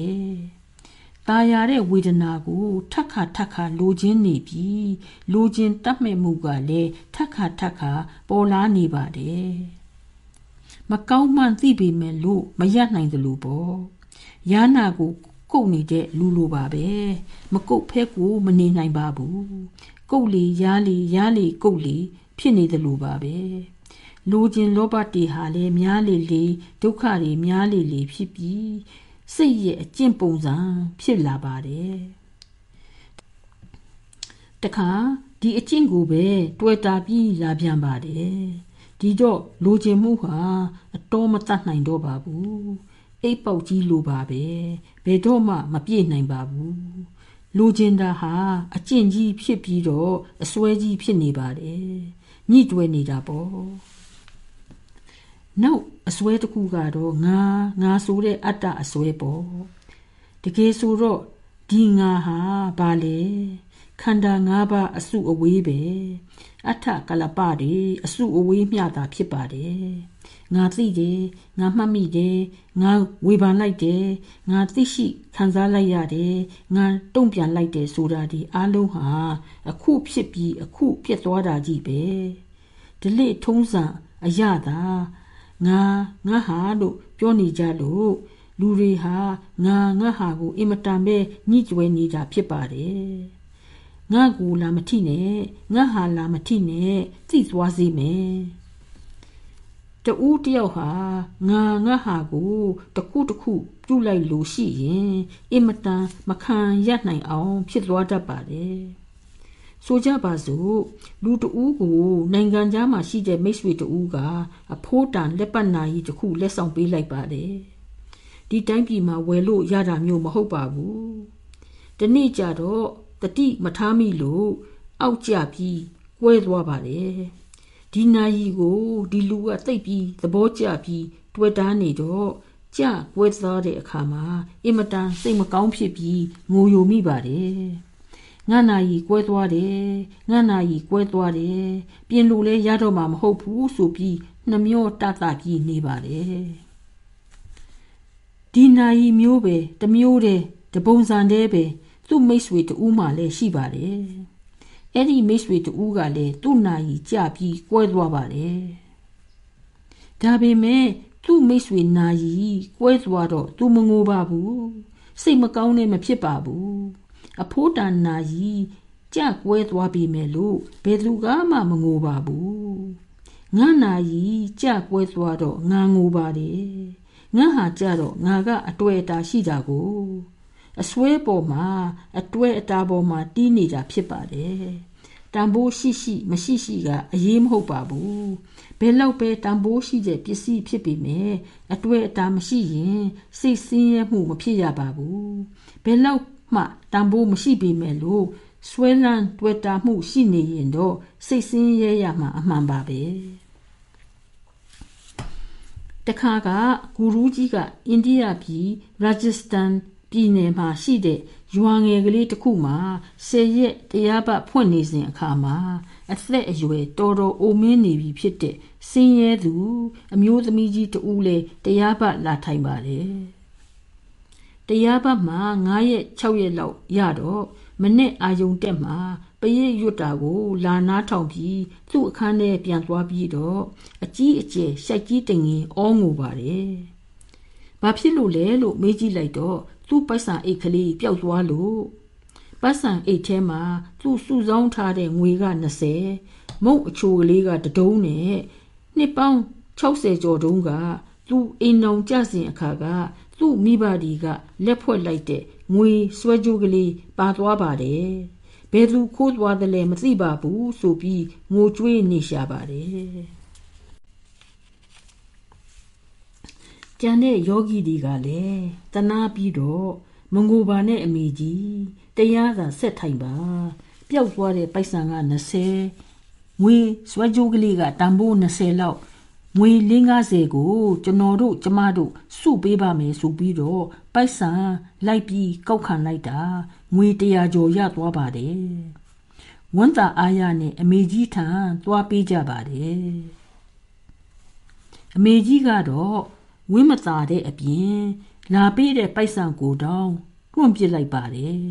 ပြီးတော့ငိုမြဲပဲဆက်ပြီးငိုးနေပါတယ်သူမင်္ဂလာဆောင်တုံးကငွေဆွဲကြုပ်ကလေးကိုတန်းတဆွဲလန်းနေပါတယ်ညနေကျတော့လူတယောက်ကစစ်ပင်တပင်ပေါ်မှာပိုက်ဆံအိတ်ထဲကအချိုမုံကိုနှိုက်စားနေတဲ့မြောက်တကောင်ကိုမြင်တော့ ဝိုင်းပြီးလိုက်ကြတော့မြောက်ကအိတ်ကိုချပြီးထွက်ပြေးတော့မှအိတ်ကိုကောက်ယူပြီးအထဲကငွေဆွဲကြိုးကလေးကို ပြန်တွေ့ရပါတယ်ဒီတော့မှပဲအမေကြီးအငိုတိတ်သွားပါတယ်ငွေ20မျှသာတန်ဖိုးရှိတဲ့ဆွဲကြိုးကလေးပဲဖြစ်ဖြစ်ငွေအသပြားသန်း20တန်တဲ့ပစ္စည်းပဲဖြစ်ဖြစ်ပစ္စည်းရဲ့တန်ဖိုးကအရေးမဟုတ်ပါဘူး ဒီပစ္စည်းကိုဘယ်လောက်တွဲတာအစွဲအလံရှိတယ်ဆိုတာဟာပိုမိုပြီးအရေးကြီးပါတယ်အတွေ့အတာကြီးရင်ဒုက္ခကြီးတာပါပဲအတွေ့အတာနည်းရင်ဒုက္ခလည်းနည်းမှာဖြစ်ပါတယ်အတွေ့အတာမရှိရင်တော့ဒုက္ခလည်းမရှိပါဘူးပေါ့ဒါဟာသဘာဝဓမ္မပါပဲနောက်အဖြစ်တစ်ခုကတော့အိန္ဒိယပြည်မှာပါပဲ တရားဘတစ်ခုမှာယဟန်တစ်ပါးကလည်းတရားလာထိုင်ပါတယ်ငါရဲ့မြောက်တဲ့နေ့ကြတော့ဂူရူးကြီးနဲ့လာတွေ့ပြီးတော့အကူအညီကြောင်းပါတယ်သူနေတဲ့မြို့မှာသူကကြောင်းဆောက်ထားပါတယ်သူ့ကျောင်းမှာစင်တကောင်နဲ့ရှိပါတယ်ကျောင်းကအစိုးရအမိတ်မြူနီစပယ်အမိတ်ပြုတ်ပွင့်မရှိပဲစောက်ထားတာဖြစ်တော့အခုသက်ဆိုင်ရာကကျောင်းကိုပြောင်းရွှေ့ခိုင်းနေပါတယ် ရွှေ့မပေးရင်ကျောင်းကိုဆွဲဖြက်မယ်လို့လေပြောနေကြပါတယ်စင်ကိုလည်းမြို့ထဲမှာမထားရပါဘူးမြို့ပြင်ကို ထုတ်ရမယ်လို့အမိန့်ချထားပါတယ်ဒီမြို့ကမြို့တော်ဝင်ကဂူရူးကြီးရဲ့မိတ်ဆွေဆိုတာကို သူကသိတော့မြို့တော်ဝင်ထံသွားပြီးကျောင်းကိုမဖြစ်ဖို့ဆက်လက်ပြီးလက်ရှိနေရာမှာပဲထားဖို့ စင်ကိုလည်းကျောင်းဝင်းထဲမှာပဲထားဖို့ခွင့်ပြုပါရန်ပြောပေးပါလို့အကူအညီလာတောင်းခြင်းဖြစ်ပါတယ်သူဟာသူ့ကျောင်းနဲ့စင်အပေါ်မှာအတွေ့အတာတွေသိပ်များနေပြီးတော်တော်ကြီးကိုပဲစိတ်သောကတွေများနေပါတယ်ဒါတောင်မှလူဝတ်ကြောင်မဟုတ်သေးပါဘူးလောကကြီးနဲ့အိုးအိမ်ကိုစွန့်လွတ်ထားခဲ့တယ်ဆိုတဲ့ယဟန်တပါဖြစ်ပါတယ် ဒါကြောင့်လူဝတ်ကြောင်ပဲဖြစ်ဖြစ်ယဟန်ပဲဖြစ်ဖြစ်ဘာကိုင်းဝင်ပဲဖြစ်ဖြစ်ဘာလူမျိုးပဲဖြစ်ဖြစ်အတူတူပါပဲတွေ့တာမှုရှိသလောက်ဆင်းရဲဒုက္ခတွေလည်းရှိကြမှာပါပဲနောက်တွေ့တာမှုတစ်မျိုးကတော့ဒိဋ္ဌိဥပါဒံအယူဝါဒကိုဆွဲလန်းခြင်းပေါ့ငါအယူဝါဒငါအမြင်ငါမိယိုးဖလာထုံးစံ ငါယုံကြည်ချက်ငါကိုးကွယ်တဲ့ဘာသာအစရှိတာတွေကို အလွန်အမင်းတွေ့တာကြပါတယ်ငါဝါဒငါအမြင်ငါဘာသာကမှအမှန်တူးတယောက်ကငါဘာသာငါဝါဒကိုနည်းနည်းလေးမှအတိုက်ခံလာမပြောနဲ့မခံမရနိုင်ဖြစ်လာတာပါပဲဒီလိုပုံကိုယ်တွေဟာသူတို့ရဲ့အယူဝါဒသူတို့ရဲ့ယုံကြည်ချက်ကို တွေ့တာမှုတွေက များလွန်းတော့အလွန်အမင်းတယူသံဖြစ်တတ်ကြပါတယ်တူးကမျက်မှန်အစိမ့်တက်ထားပြီးနောက်တူးကမျက်မှန်အနီတက်ထားပြီးညင်းခုန်နေကြသလိုပါပဲမျက်မှန်အနီတက်ထားတဲ့လူကြည်သမျှကတော့အနီရောင်လေးကြီးဖြစ်ပြီးမျက်မှန်အစိမ့်တက်ထားတဲ့လူကြည်သမျှကတော့အစိမ့်ဒီကြီးပါပဲ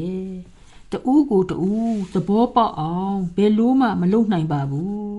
အငင်းအခုံဖြစ်ပြီးတူးကောင်းတူးရိုက်ခွင်းရင်တောင်မျက်မှန်အနီတက်ထားတဲ့လူကလည်းလောကကြီးဟာသူ့အတွက်တော့သူ့အမြင်နဲ့တော့နီးနေတော့နီးတာကိုပဲယုံကြည်နေပါတယ်မျက်မှန်အစိမ့်သမားကလည်းသူ့အတွက်တော့လောကကြီးဟာအစိမ့်တွေကြီးပါပဲဒီမျက်မှန်တွေကိုချွတ်လိုက်ရင်တော့နှစ်ဦးစလုံးဟာလောကကြီးကိုအမှန်အတိုင်းမြင်ကြရမှာပါ ဒါပေမဲ့မျက်မှန်တွေကိုမချွတ်နိုင်ကြပါဘူးမျက်မှန်ရဲ့အယောင်ကိုအင်မတန်ဆွဲလန်းနေကြတာကိုတချို့ကြတော့လေသူတို့ရဲ့မိယိုးဖလာထုံတန်းစင်လာအရာပြုတ်လုဆောင်ရွက်နေကြတာဒီအခန်းအနားတွေကိုးကွယ်ဝတ်ပြုတာဒီကျင်းပတာတွေကိုလုံမှသာတရားရှိတဲ့လူ သူတော်ကောင်းလို့ယုံကြည်ယူဆကြပြီးဒါဒီအပေါ်မှာတိတ်ပြီးတွဲတာပြီး အစွဲကြီးတတ်ကြပါတယ်ဒါဒီဟာတကယ်တော့အနှစ်သာရရှိတာဒီမဟုတ်ပါဘူးယောဂီတွေဟာဆက်လက်ပြီးတရားကျင့်သွားရင်တော့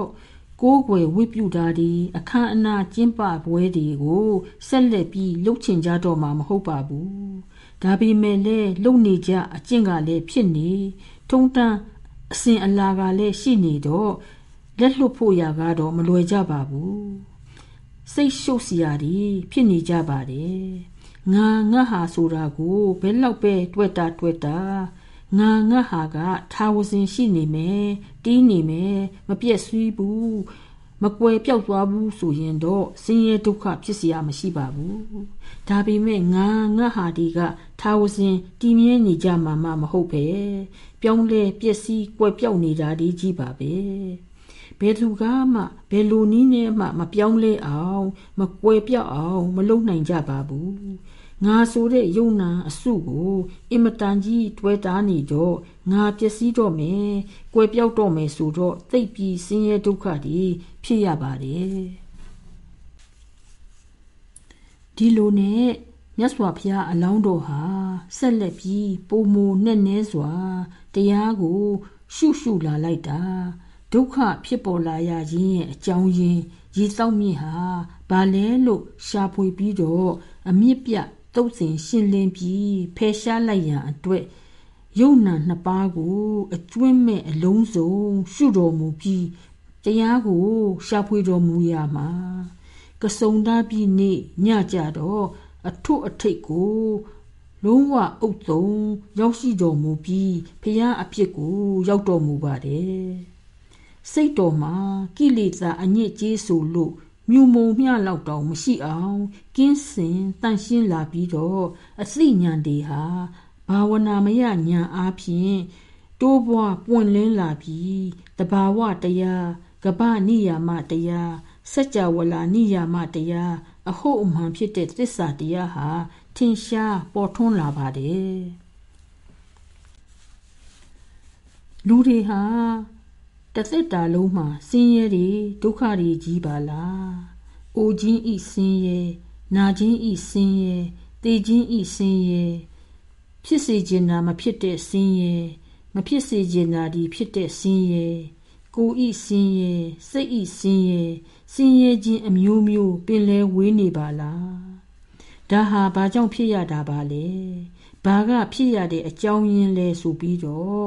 ပဋိစ္စသမုပ္ပတရားကို အနုလုံပฏิလုံအစအဆုံးအဆုံးအစံအပြန်အလှန်ရှုတော်မူပါတယ်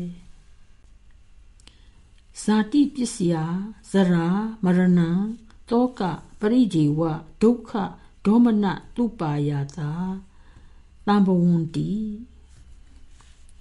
ဇာတိဆိုတာကမွေးဖွားတာ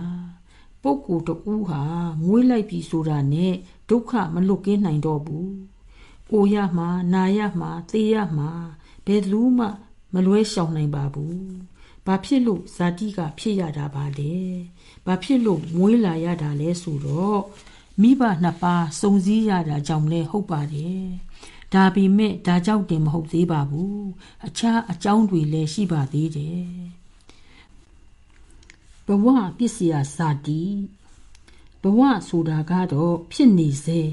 တစ်သက်လုံးဟာလည်းဖြစ်နေစေဖြစ်နေစေပါပဲအသက်ကုံဆုံးတဲ့သေပေါက်သေဝရောက်တဲ့အထိရောက်နေတာတောင်မှဖြစ်နေစေဖြစ်နေစေကမကုံဆုံးသေးပါဘူးသေသွားပြီးတော့ရုပ်ခန္ဓာအစုကြီးဟာပျက်စီးပြိုကွဲသွားပါတယ်နာအစုကတော့နောက်ဖြစ်ရမယ့်ဘဝပဋိတန်ဒီစိတ်အသစ်တစ်ဆက်သေးဖြစ်ပြီး ဒီဘဝဆိုတဲ့ဖြစ်နေစေဖြစ်နေစေကတခါဆက်ပြီးဖြစ်လာပြန်ပါတယ်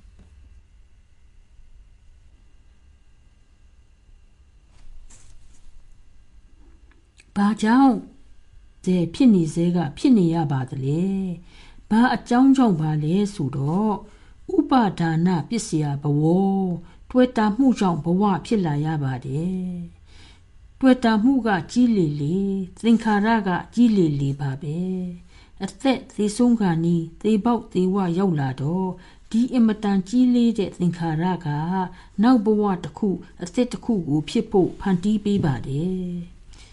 ဒီတော့ဘာကြောင့်ဥပါဒံကဆွဲလန်းမှုဖြစ်ရပါသလဲဆိုတော့တဏှာပစ္စယဥပါဒါနလူချင်းတတ်မဲ့မှုကြောင့်ဆွဲလန်းမှုဖြစ်ရပါတယ် ဘာကြောင့်လူချင်းတတ်မဲ့မှုတဏှာဖြစ်ရပါသလဲဆိုတော့ဝေဒနာပစ္စယတဏှာဝိပဿနာယောဂီတိုင်းဟာဒါကိုကိုယ်တွေ့လက်တွေ့ဘာဝနာမရညာအသိနဲ့သိရှိထင်ရှားလာပါလိမ့်မယ်ခန္ဓာကိုယ်ပေါ်မှာဝေဒနာတစ်ခုတစ်ခုပေါ်လာရင်အဲ့ဒီဝေဒနာကိုလူချင်းတောင့်တမှုနဲ့ပဲဖြစ်ဖြစ် မလူချင်းမုန်းထားမှုနဲ့ပဲဖြစ်ဖြစ် တုံ့ပြန်ပါလိမ့်မယ် ဝေဒနာကตาယာနှိစ္စဖွယ်ကောင်းတဲ့ဒုက္ခဝေဒနာဆိုရင်လိုချင်တောင်းတမှုနဲ့တုံ့ပြန်ပြီးဝေဒနာကမตาယာဘူးနှစ်သက်ဖွယ်ရာမကောင်းဘူးဒုက္ခဝေဒနာဆိုရင်တော့မလိုခြင်းမုန်းထားမှုနဲ့တုံ့ပြန်ပါတယ်ဒီဒီတော့ဝေဒနာဒီကဘာကြောင့်ဖြစ်ရပြန်တယ်လဲဆိုပြန်တော့ဖတ်တာပစ္စယဝေဒနာထိတွေ့မှုကြောင့်ဖြစ်လာရပါတယ် ဘာနဲ့ထိတွေ့မှုလဲဆိုတော့မျက်စိနဲ့ယူပါယုံမြင်ခွင်းနားနဲ့အသံနှာခေါင်းနဲ့အနံ့ရှာနဲ့အရသာကိုယ်ခန္ဓာနဲ့ထိပါနိုင်တာတွေစိတ်နဲ့အကြံအစီစိတ်ကူးတွေထိတွေ့မှုတွေဖြစ်လာပါတယ်။ဘာကြောင့်ထိတွေ့မှုတွေဖြစ်လာရပြန်တယ်လဲဆိုတော့သလာယတနာပစ္စယဖတ်တော် ဒွါရ6ပါးအာယတနာ6ပါးတို့ကြောင့်ထိတွေ့မှုတွေဖြစ်လာရပါတယ်။ဒွါရ6ပါးတို့ဟာအာယုံ6ပါးနဲ့ထိတွေ့ခြင်းဖြစ်ပါတယ်။ကဘာကြီးတစ်ခုလုံးစัจ java လာကြီးတစ်ခုလုံးဟာ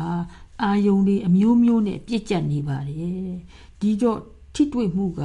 ဒွါရတစ်ခုမဟုတ်တစ်ခုနဲ့အာယုံတစ်ခုမဟုတ်တစ်ခုတို့နဲ့အမြဲပဲထိတွေ့နေပါတယ်။ဒီ ထိတွေ့မှုတွေဟာဒွါရ6ပါးကြောင့်ဖြစ်ရပါတယ်။ဘာကြောင့်ဒွါရ6ပါးဖြစ်ရပြန်ပါသလဲလို့မေးမြန်းတော့နာမရူပပစ္စယတလယတနာတတဝါတူဟာအသက်ရည်လို့ဖြစ်လာတယ်ဆိုတာနဲ့ယုံနဲ့နံကလည်းစပြီးဖြစ်လာပါတယ်။ယုံနံတို့ကြောင့်ဒွါရ6ပါးဖြစ်လာရပါတယ်။ ဘာကြောင့်ယုံနာဖြစ်လာရပါသလဲလို့ဆိုပြန်တော့ဝိညာဏပစ္စယနာမရူပါဝိညာဏဆိုတဲ့အာယုံကိုသိခြင်းသဘောဟာဖြစ်လာပြီးတဲ့ဘဝဟောင်းရဲ့ခန္ဓာကိုယ်မှာစုတည်လိုက်တာနဲ့တပြိုင်နက်နောက်ဖြစ်ရမယ့်ဘဝသိရဲ့ကံကြောင့်ဖြစ်တဲ့ခန္ဓာကိုယ်နဲ့အတူတကွဖြစ်ကြပြီးဖြစ်ပြက်ဖြစ်ပြက်တရားကစားတော်တာပါပဲ ဒီတော့မင်းရပြန်ပါတယ်ဘာကြောင့်ဝိညာဏကဖြစ်ပေါ်လာရပါသလဲဆိုတော့သင်္ခါရပစ္စယဝိညာဏသင်္ခါရတစ်ခုတစ်ခုကိုပြုတ်တိုင်းပြုတ်လိုက်တိုင်းဒီသင်္ခါရဟာနောင်ဖြစ်ရမယ့်တခဏရဲ့စိတ်ကို ဖြစ်စီပါတယ်။နောင်ဖြစ်ပေါ်လာရတဲ့ဝိညာဏအသစ်ကို ဖြစ်ပေါ်စေပါတယ်။ဒါတွေဟာတဘာဝဓမ္မတွေပါပဲ။ ဝိပဿနာယောဂီတိုင်းဟာမိမိတို့ရဲ့အတွင်းအစ္စတကို ရှုပြီးကျင့်တဲ့အခါမှာဒီအမှန်တရားတွေကိုဘာဝနာမယညာအသိနဲ့ကိုတွေ့တွေ့ထိခံစားနိုင်ကြပါလိမ့်မယ်။ဘာကြောင့်သင်္ခါရဖြစ်လာရပြန်တယ်လဲဆိုတော့အဝိဇ္ဇာပစ္စယသင်္ခါရအမှန်ကိုမသိမှုကြောင့်သင်္ခါရတွေဖြစ်ပေါ်လာခြင်းဖြစ်ပါတယ် အမှန်ကိုမသိမှုဆိုတာဟာကြောက်မတက်လို့တက်ကတူမရောက်လို့ကျမ်းဂန်တွေလေ့လာမထားလို့မသိရတဲ့အသိမျိုးမဟုတ်ပါဘူးဘာဝနာမယညာအသိနဲ့အဟုတ်တကယ်အမှန်ဖြစ်ပြနေတာကိုမသိတာဖြစ်ပါတယ်ကျမ်းဂန်တွေဘယ်လောက်ပဲတတ်တတ်စာတွေတတ်နေုံတက်တက်နဲ့ပဲဆိုရင်တော့ဘာဝနာမရညာမဟုတ်တော့အဝိဇ္ဇာကရှိနေသေးကြပါပဲ ဒီတော့စိတ်ရဲ့အ내ဆိုင်ဆုံးအပိုင်းမှာယုံ nant တရားဒီကအမြဲမပြတ်ဖြစ်ပြက်ဖြစ်ပြက်နေသေးတာပါပဲမမြဲတဲ့အနိစ္စသစ္စာငါငါဟာမဟုတ်တဲ့အနတ္တသစ္စာမမြဲတဲ့အတွက်ငါငါဟာမဟုတ်တဲ့အတွက်ဖြစ်ပေါ်လာရတဲ့ဆင်းရဲခြင်းတရားဒုက္ခသစ္စာဒီသစ္စာဒီကိုဘာဝနာမယညာအသိနဲ့အမှန်ကို မသိကြတော့ ဒီမမြဲတဲ့မရှိတဲ့ငါမဟုတ်တဲ့ဆင်းရဲကိုပဲယုံနာတရားစုကြီးကိုပဲခင်တွဲနေကြတာဖြစ်ပါတယ်မြဲတယ်ရှိတယ်ဟုတ်တယ်ခင်တွယ်စရာကြီးပဲလို့အထင်မှားနေတာဟာအဝိဇ္ဇာပေါ့ဒီအဝိဇ္ဇာကြောင့်စိတ်ရဲ့အ내ဆိုင်ဆုံးအပိုင်းမှာသင်္ခါရတွေပွားပြီးရင်ပွားရင်ဖြစ်နေပါတယ် အဝိဇ္ဇာပစ္စယသင်္ခါရသင်္ခါရပစ္စယဝိညာဏဝိညာဏပစ္စယနာမရူပံနာမရူပပစ္စယတလယတနာတလယတနာပစ္စယဖတ်သောဖတ်တာပစ္စယဝေဒနာဝေဒနာပစ္စယတဏှာတဏှာပစ္စယဥပါဒါနဥပါဒါနပစ္စယဘဝဘဝပစ္စယဇာတိ ဇာတိပစ္စယဇရာမရဏသောကပရိဒီဝဒုက္ခဒေါမနတုပါယတာတံဘဝန္တိဧဝမေတတ္တကေဝလတ္တဒုက္ခခန္တတ္တသမုဒယောဟောတိဒီလိုနဲ့အမှန်ကိုမသိမှုအဝိဇ္ဇာကစလိုက်တာဆင်းရဲခြင်းဒုက္ခတွေဟာ မရေမတွက်နိုင် အတိုင်းအတာမရှိ တောင်ပုံရာပုံတွေဖြစ်ပေါ်လာခြင်းဖြစ်ပါတယ်ဒုက္ခရဲ့အ내ဆိုင်ဆုံးရေတောက်မြစ်ဖြစ်တဲ့အကြောင်းရင်းဟာထင်ရှားပေါ်လွင်လာပါတယ်ဒီတော့ဒုက္ခဖြစ်ရခြင်းရဲ့အကြောင်းအရင်းဖြစ်တဲ့အဝိဇ္ဇာကိုဘယ်လိုလုပ်ပြီးရှင်းလင်းသုတ်သင်ရပါမလဲဒုက္ခစက်ဝိုင်းတစ်ခုလုံးမှာအဝိဇ္ဇာကနေရာတိုင်းမှာပါရှိနေတော့ ဘယ်နေရာကနေသူ့ကိုထုတ်ပြရပါမလဲဖြတ်တော့ပြရပါမလဲဘဝတစ်ခုစပြီးအသက်တစ်ချောင်းရဲ့လို့စပြီးဆိုတာနဲ့နာမရူပယုံနာအစုကြီးဖြစ်ပေါ်လာပါတယ်ဒီယုံနာအစုဝင်းဆက်ကိုတုတ်တင်ပြရမယ်ထုတ်ပြရမယ်ဆိုရင်ကိုကိုကိုစပ်ပြရမှာပါပဲဒီဟာလည်းမဖြစ်နိုင်သေးပါဘူး ကိုကိုကိုစတ်တဲ့ဆိုတာဟာအင်မတန်စိတ်တော့ကစိတ်ဆင်းရဲဖြစ်စီရတဲ့ကိစ္စဆိုတော့နောက်ဖြစ်ရမယ့်ဘဝဟာလည်းဒုက္ခတွေများမဲ့ဘဝဆိုတော့ဒုက္ခနေတဲ့မှာပဲရှိနေဦးမှာပါပဲဒုက္ခကိုပိုပြီးသာပွားစီမှာဖြစ်ပါတယ်ဒီတော့ဘာလို့ရပါမလဲတလာယတနာဖြစ်တဲ့ဒွါရ6ပါးကိုဖြစ်စည်းပြစ်လိုက်ရင်ဘယ်နဲ့နေမလဲ ဖြစ်စည်းပြစ်လိုက်ကြရမလားမျက်စိနားနှာခေါင်းရှားခန္ဓာကိုယ်တစ်ခုလုံးကိုဖြစ်စည်းပြစ်ရမှာဖြစ်ပါတယ်စိတ်ကိုရောစိတ်ကိုရောဘယ်လိုလှုပ်ပြီးဖြစ်စည်းပြစ်ရပါမလဲဒါလည်းတတ်သိမှရမယ့်ကိစ္စပါပဲဒါလည်းအဖြေမဟုတ်သေးပါဘူးဒါဒါဖြစ်ရင်ဒွါရ6ပါးကိုဖြည့်ဆည်းမပြစ်ဖဲနဲ့ အာယုံ6ပါးဖြစ်စေတာဒီကိုဖြည့်ဆည်းပြစ်လိုက်ရင်ရောဒါလည်းမဖြစ်နိုင်သေးပါဘူးတကဘာလုံးရှိရှိသမျှဒီဟာအာယုံ6ပါးဖြစ်စေနိုင်တဲ့ဟာဒီပဲဘဲကိုမှထွက်ပြေးလို့လည်းမလွတ်နိုင်ပါဘူးအာယုံတစ်ခုတစ်ခုနဲ့ထိတွေ့ခံစားလိုက်ရတယ်ဆိုတာနဲ့ဝေဒနာက ဖြစ်ပေါ်တော့တာပါပဲပြေးပေါက်မရှိပါဘူး ဒီလိုဆက်ဆက်ပြီးရှုသွားတော့ပညာက ပေါ်ပေါက်ထွန်းလင်းလာပါတယ်ဒီဒုက္ခဝင်းဆက်ကြီးဖြတ်ရမယ်နေရဖြတ်ရမယ်ဝင်းဆက်ကတော့အမှန်ကို မသိမှုအဝိဇ္ဇာဝင်းဆက်ပါပဲအမှန်ကို မသိမှုကြောင့်ထိတွေ့မှုဝေဒနာကိုခံစားသိရှိရတိုင်းလိုချင်တောင့်တမှု တွေ့တာမှုတွေဖြစ်လာပါတယ် အမှန်ကိုမသိရတဲ့အတွက်ကြောင့်လောဘဒေါသတွေလည်းပွားများလာပါတယ်အမြင်မှန်ကိုသိတဲ့ပညာဘာဝနာမယပညာကိုရပြီဆိုရင်တော့ဝေဒနာတိုင်းဝေဒနာတိုင်းဟာပညာကိုသာထပ်ပွားစီပြီးဘဝကလွတ်မြောက်စေတဲ့ဆက်ဝိုင်းဓမ္မစဝိုင်းဓမ္မစကဘဝတနာပေါ့မြတ်စွာဘုရားရဲ့အ ထွတ်အထိပ်သို့ရောက်ရှိမှုမှာထိတွေ့မှုဝေဒနာဟာအင်မတန်အရေးကြီးတဲ့အချက်ဖြစ်ပါတယ်ဝေဒနာကနေလမ်းခွဲဖြစ်ပြီးလမ်းနှလမ်းခွဲထွက်ပါတယ်လမ်းကြောင်းတစ်ခုကတော့ဒုက္ခသမုဒယဂာမိနိပฏิပဒါဒုက္ခဖြစ်ရခြင်းအကြောင်းရင်းလမ်းဒုက္ခတွေပွားတဲ့ပွားနေရတဲ့အကြောင်းလမ်းကြောင်းဖြစ်ပါတယ်ဒီ ဒီလမ်းကြောင်းပေါ်မှာရှောက်တဲ့ပုဂ္ဂိုလ်တိုင်းဟာဒုက္ခနေတဲ့ကကိုမလွတ်နိုင်ပဲဒုက္ခတွေများတဲ့များနေကြဖြစ်ပါတယ်ဒီဒုက္ခဘယ်ကနေစလာရသလဲဆိုတော့သိရှိခံစားမှုဝေဒနာကစလာပါတယ်ဝေဒနာရဲ့လမ်းခွဲကနေပြီးခွဲထွက်တဲ့ဒုတိယလမ်းကြောင်းကတော့ဒုက္ခនិရောဓဂာမိနိပฏิပဒါ ဒုက္ခတွေကင်းငြိမ်းစေတဲ့လမ်းပယ်ဖြောက်စေတဲ့လမ်းဖြစ်ပါတယ်ဝေဒနာဒီကဒုက္ခကိုဖြစ်စေတတ်သလိုဒီဝေဒနာကပဲဒုက္ခကိုငြိမ်းစေတတ်ပါတယ်ယောဂီတို့ဟာတရားရှုနေစဉ်အခါမှာဝေဒနာကိုရှုတိုင်းရှုတိုင်း ဘာဝနာမယညံနဲ့အမှန်ကိုသိပြီးဘယ်လောက်ပဲသိမ်မွေ့တဲ့ตาရတဲ့ဒုက္ခဝေဒနာမျိုးပဲဖြစ်ဖြစ်အနိစ္စမျှတာပါပဲမမြဲကြပါလားဆိုတဲ့အသိနဲ့ရှုနေပြီဘယ်လောက်ပဲမခံတာတဲ့မသားရတဲ့ဒုက္ခဝေဒနာပဲဖြစ်ဖြစ်ကိုလေမလိုမုန်းထားတဲ့စိတ်မနှစ်သက်တဲ့စိတ်တို့နဲ့တုံ့ပြန်မှုမလုပ်ဘူးဆိုရင်ယောဂီဟာ ဘာဝနာမယဉာဏ်တွေပွားနေပြီးသင်္ခါရအသစ်တွေမဖြစ်တော့ပါဘူးဝေဒနာကွင်းဆက်မှာသင်္ခါရအသစ်တွေမပွားတော့ပဲအသိမှန်အမြင်မှန်ကိုရကြတာပေါ့သုတမယစိတ်တမယဉာဏ်နဲ့စိတ်ရဲ့အပေါ်ယံဘိုင်းနဲ့ပဲဆိုရင်တော့ဒီကိစ္စဟာမဖြစ်နိုင်ပါဘူး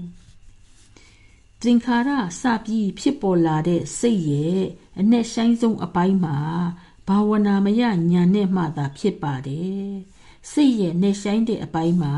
သင်္ခါရတစ်ခုစပြီးပွားပြီးဆိုရင်ယောဂီဟာသိမ်မွေ့ဝေဒနာကို ခံစားရပါတယ်ဒီဝေဒနာကိုယောဂီကတုံ့ပြန်မှုမလုပ်ဘဲဥပက္ခနဲ့ရှုနေလိုက်မယ်ဆိုရင်သင်္ခါရအသစ်တွေမပွားတော့ပါဘူးသင်္ခါရအသစ်တွေမပွားတော့ဘူးဆိုတဲ့အခါမှာစိတ်ရဲ့နှက်ဆိုင်တဲ့အပိုင်းမှာရှိတဲ့ ဘဝဘဝကစုပေါင်းပြီးသေပိုးယူဆောင်လာခဲ့တဲ့သင်္ခါရအဟောင်းတွေကံကြွေးကံဟောင်းတွေကစိတ်ရဲ့အပေါ်ယံမျက်နှာပြင်ပေါ်ကိုတက်လာကြပြီးပျောက်ကွယ်ချုပ်ငိမ့်သွားကြပါတယ်ပေါ်ထွက်လာလိုက်ပျောက်ကွယ်ချုပ်ငိမ့်သွားလိုက်ပေါ်ထွက်လာလိုက်ပျောက်ကွယ်ချုပ်ငိမ့်သွားလိုက်နဲ့ဖြစ်နေကြပြီးပျောက်ကွယ်သွားကြသလောက်ဟာ ယောဂီတို့ရဲ့ဒုက္ခတွေကလွတ်ငြိမ်းချမ်းသာကြတာတွေဖြစ်ပြီးဒီသင်္ခါရတွေအလုံးကုံစင်သွားပြီဆိုတော့ယောဂီရဲ့ဒုက္ခတွေအလုံးဟာလေကုံစင်ချုပ်ငိမ့်သွားခြင်းဖြစ်ရပါလိမ့်မယ်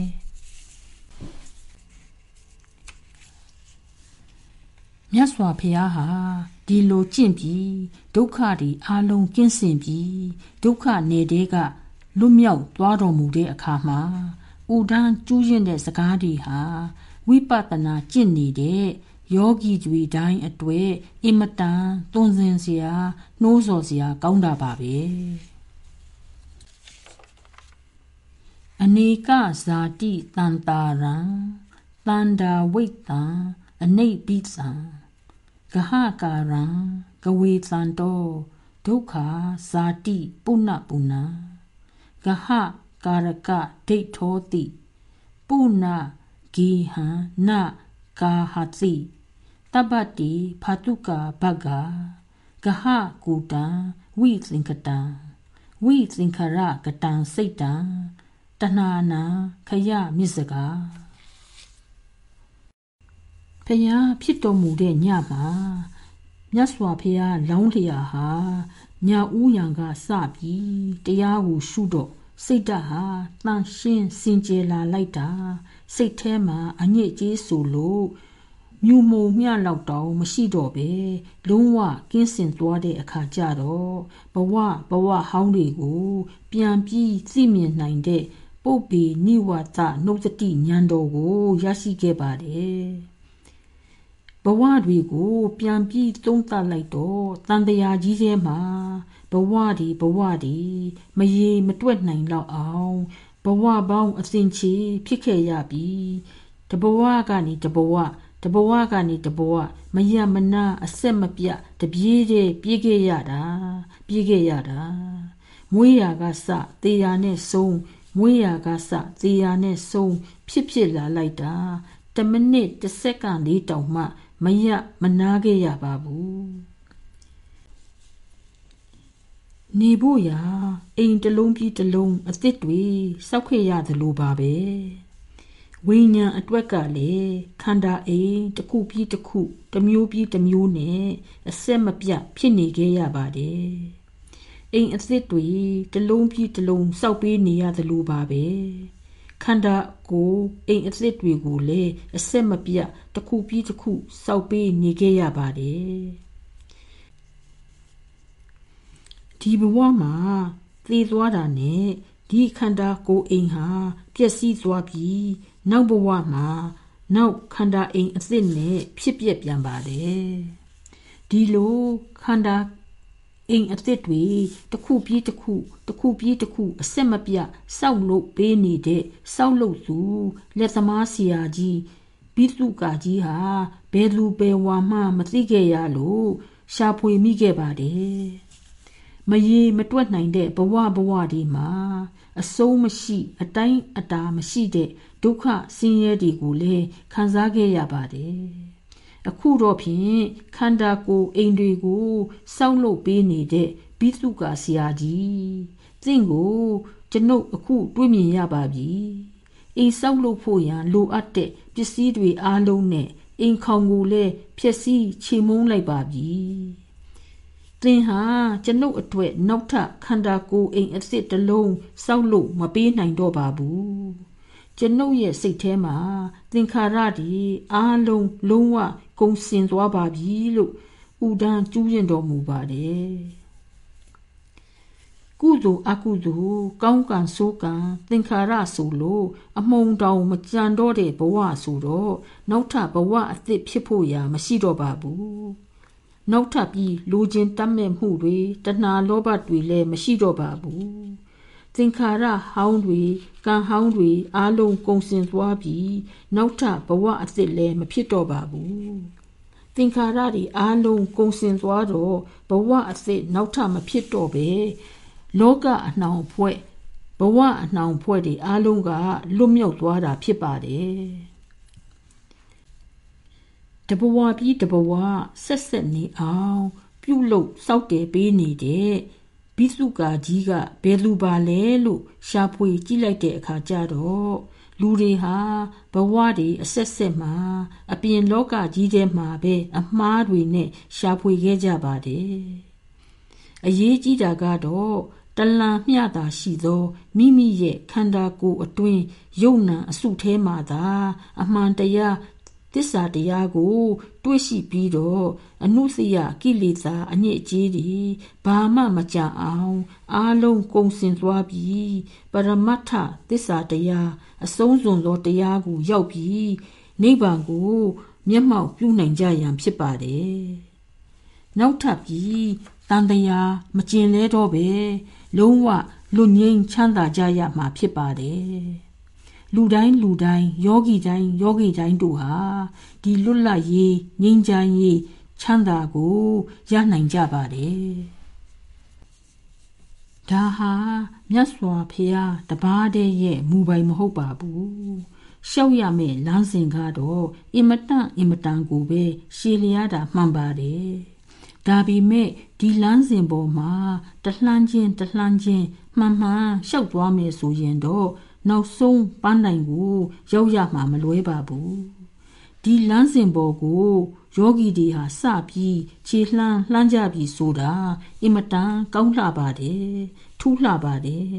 တရားပတ်ရဲ့ကြံရှိနေသေးတဲ့ငါးရက်မှာခြေလှမ်းတွေ